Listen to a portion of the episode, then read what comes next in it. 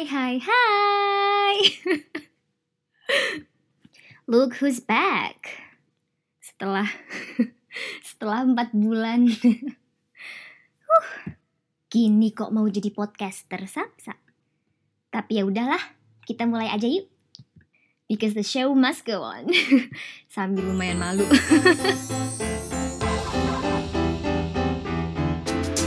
It's Sabrina sharing time. Sabrina share clock.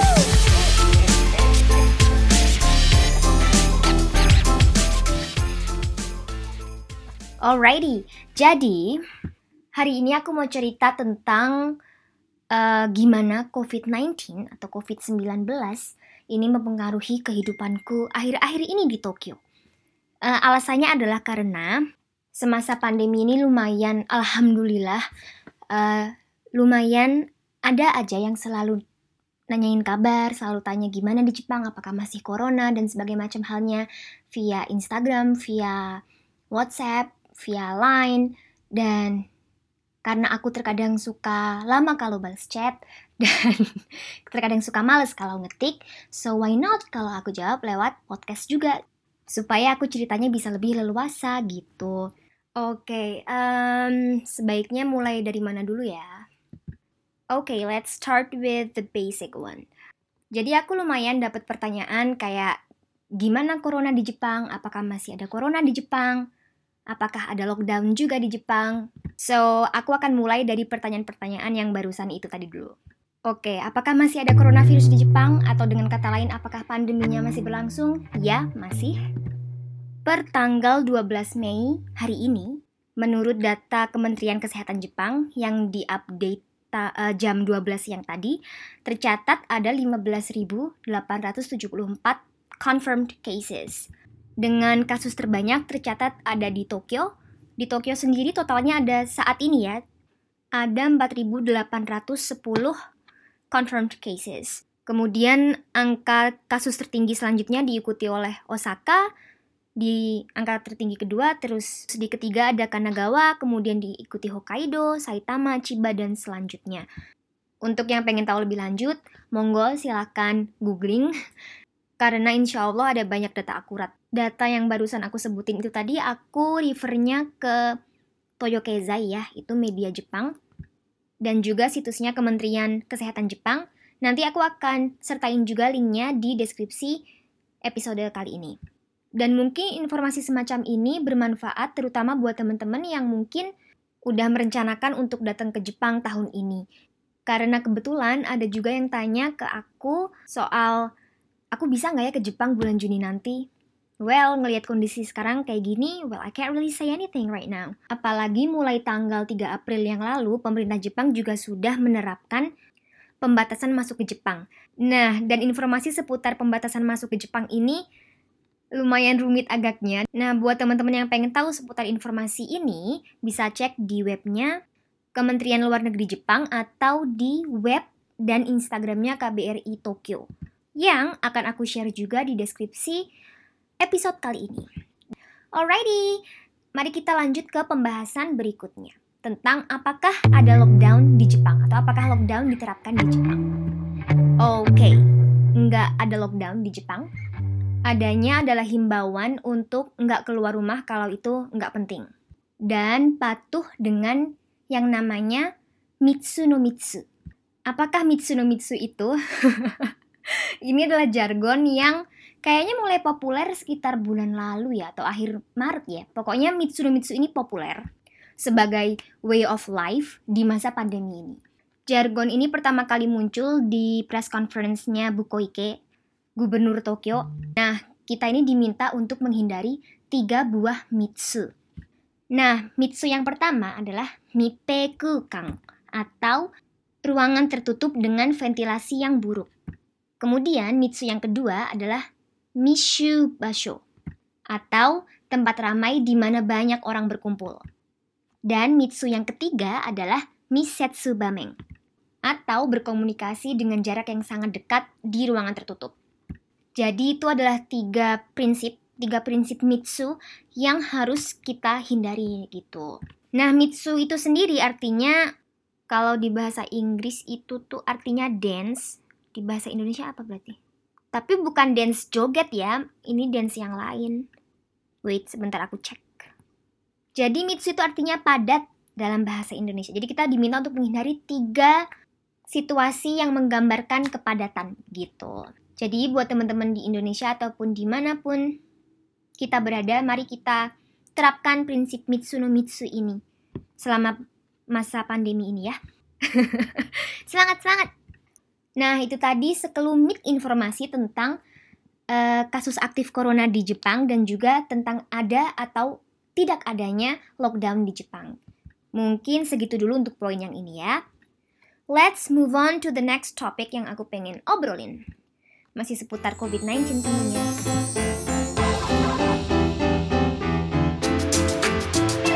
Oke, jadi tadi kan kita udah ngobrolin seputar COVID-19 di Jepang secara umum. Nah, sekarang ini aku pengen ngobrolin gimana sih COVID-19 ini mempengaruhi hidupku secara pribadi.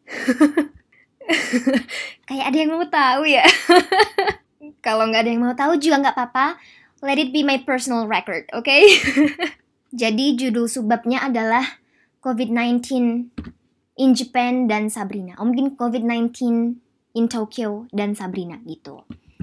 Nah, dan ini juga berhubungan dengan pertanyaan-pertanyaan yang aku dapat selama pandemi ini kayak, "Hey, gimana kamu di Jepang selama corona?" gitu. Terima kasih buat teman-teman yang bertanya dan yang nggak tanya pun juga it's okay, nggak masalah, no hard feelings. oh iya, yang tanya nggak cuma teman sih, tapi juga ada saudara gitu-gitu. First of all, alhamdulillah sampai hari ini aku ngerasanya aku sehat. Paling nggak sehatnya adalah karena sekarang ini kan musim semi ya. Nah, mulai musim semi tahun ini aku tuh alergi sama yang namanya serbuk bunga gitu. Jadi, mulai musim semi tahun ini aku tuh mengidap yang namanya alergi serbuk bunga atau disebutnya juga hay fever yang menyebabkan aku bersin gak berhenti-berhenti, hidung meler terus, mata gatel. Jadinya mesti rutin minum obat alergi gitu. Oke, itu dari sisi kesehatan. Lalu di saat pandemi ini yang kerasa banget pastinya adalah di kerjaan. Mungkin sama lah ya kayak temen-temen, ini juga pasti ngaruh banget di kehidupan sehari-hari kita, apalagi yang kerja sehari-harinya di kantor dan harus berubah 180 derajat kerja di rumah atau work from home. Nah, soal work from home policy ini, di Jepang tiap-tiap perusahaan beda ya cara mengimplementasikannya. Ada yang full work from home, berbulan-bulan kerja di rumah seperti aku. Ada yang dalam seminggu entah sehari atau dua hari tetap harus ngantor gitu juga ada. Nah, kantorku sendiri ini menerapkan work from home itu udah dari bulan Februari akhir. Dimulainya pertama di tanggal 27 Februari sampai Maret tanggal 13 kalau nggak salah. Terus habis itu balik lagi tuh ngantor waktu bulan Maret tanggal 13, balik lagi ke kantor, terus ngantor dua minggu, Maret tanggal 27-nya disuruh balik lagi work from home. Karena waktu itu ada press conference oleh Ibu Koike, Gubernur Tokyo, yang menyatakan bahwa ada overshoot atau kasus confirmed case yang melonjak dalam satu hari. Waktu itu kalau nggak salah ada 44 orang yang terinfeksi dalam satu hari. Nah, makanya habis itu kantor langsung menghimbau untuk work from home lagi tuh di Maret tanggal 27 dan ini officially berlaku sampai tanggal 31 Mei mendatang mengikuti himbauan status darurat corona yang dikeluarkan oleh pemerintah Jepang gitu. Kalau tempat kerja teman-teman gimana? Di mana pun kalian berada.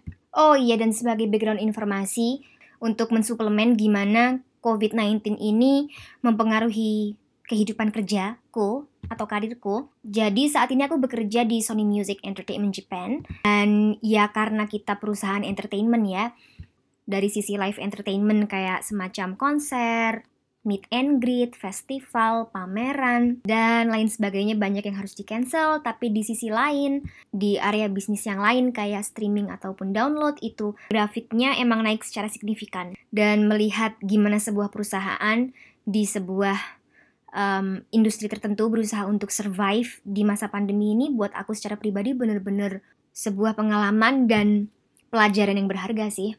Oke, okay, dan itu sekelumit tentang karir. Dan berikutnya adalah kegiatan yang akhir-akhir ini aku ikutin.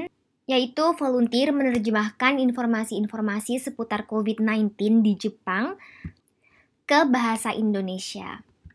Nah, proyek ini adalah proyek yang diinisiasi oleh para mahasiswa dan alumni Tokyo University of Foreign Studies atau universitas tempat aku dulu mengenyam pendidikan master. Eh, nggak uh, cuma ke bahasa Indonesia, tetapi juga ke berbagai bahasa lainnya.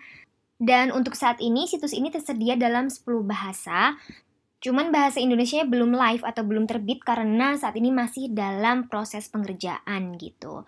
Nah, untuk saat ini bahasa yang tersedia itu ada bahasa Inggris, bahasa Korea, bahasa Vietnam, bahasa Cina, bahasa Perancis, Spanyol, Portugis, Arab, dan bahasa Jepang sederhana. Oke, jadi mungkin hal ini nggak terlalu banyak diketahui atau mungkin banyak diketahui ya bahwa penyediaan informasi multibahasa itu masih cukup challenging di Jepang. Memang untuk informasi dalam bahasa asing kayak bahasa Cina, bahasa Korea, bahasa Vietnam, Portugis, Inggris, masih dalam bahasa ini relatif banyak tersedia karena memang penutur bahasa-bahasa tersebut juga banyak di sini. Tetapi untuk bahasa-bahasa selain itu memang masih cukup terbatas. Nah, di sinilah forum-forum di sosial media ataupun situs-situs oleh badan non-profit sangat berperan dalam membagikan informasi dalam berbagai bahasa. Dan gap informasi karena kendala bahasa pun diharapkan sedikit demi sedikit mulai bisa teratasi gitu. Nah, untuk portal multibahasa yang aku join ini, selain kita menerjemahkan informasi-informasi dari pemerintah, kita juga menerjemahkan berbagai macam berita seputar COVID-19 yang sekiranya akan bisa bermanfaat untuk pembaca kita gitu.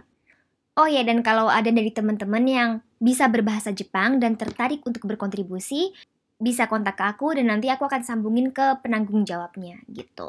Well, kira-kira itu sih kegiatan selama COVID-19 ini di Tokyo selain bikin TikTok dan pergi ke taman.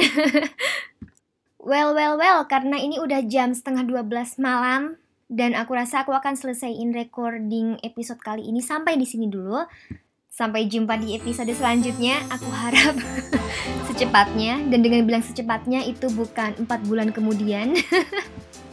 well, living in the middle of pandemic like this is not easy. So, I hope you guys have the spirit to keep doing what makes you happy. And I'll see you guys again on the next one. Bye bye. Thank you.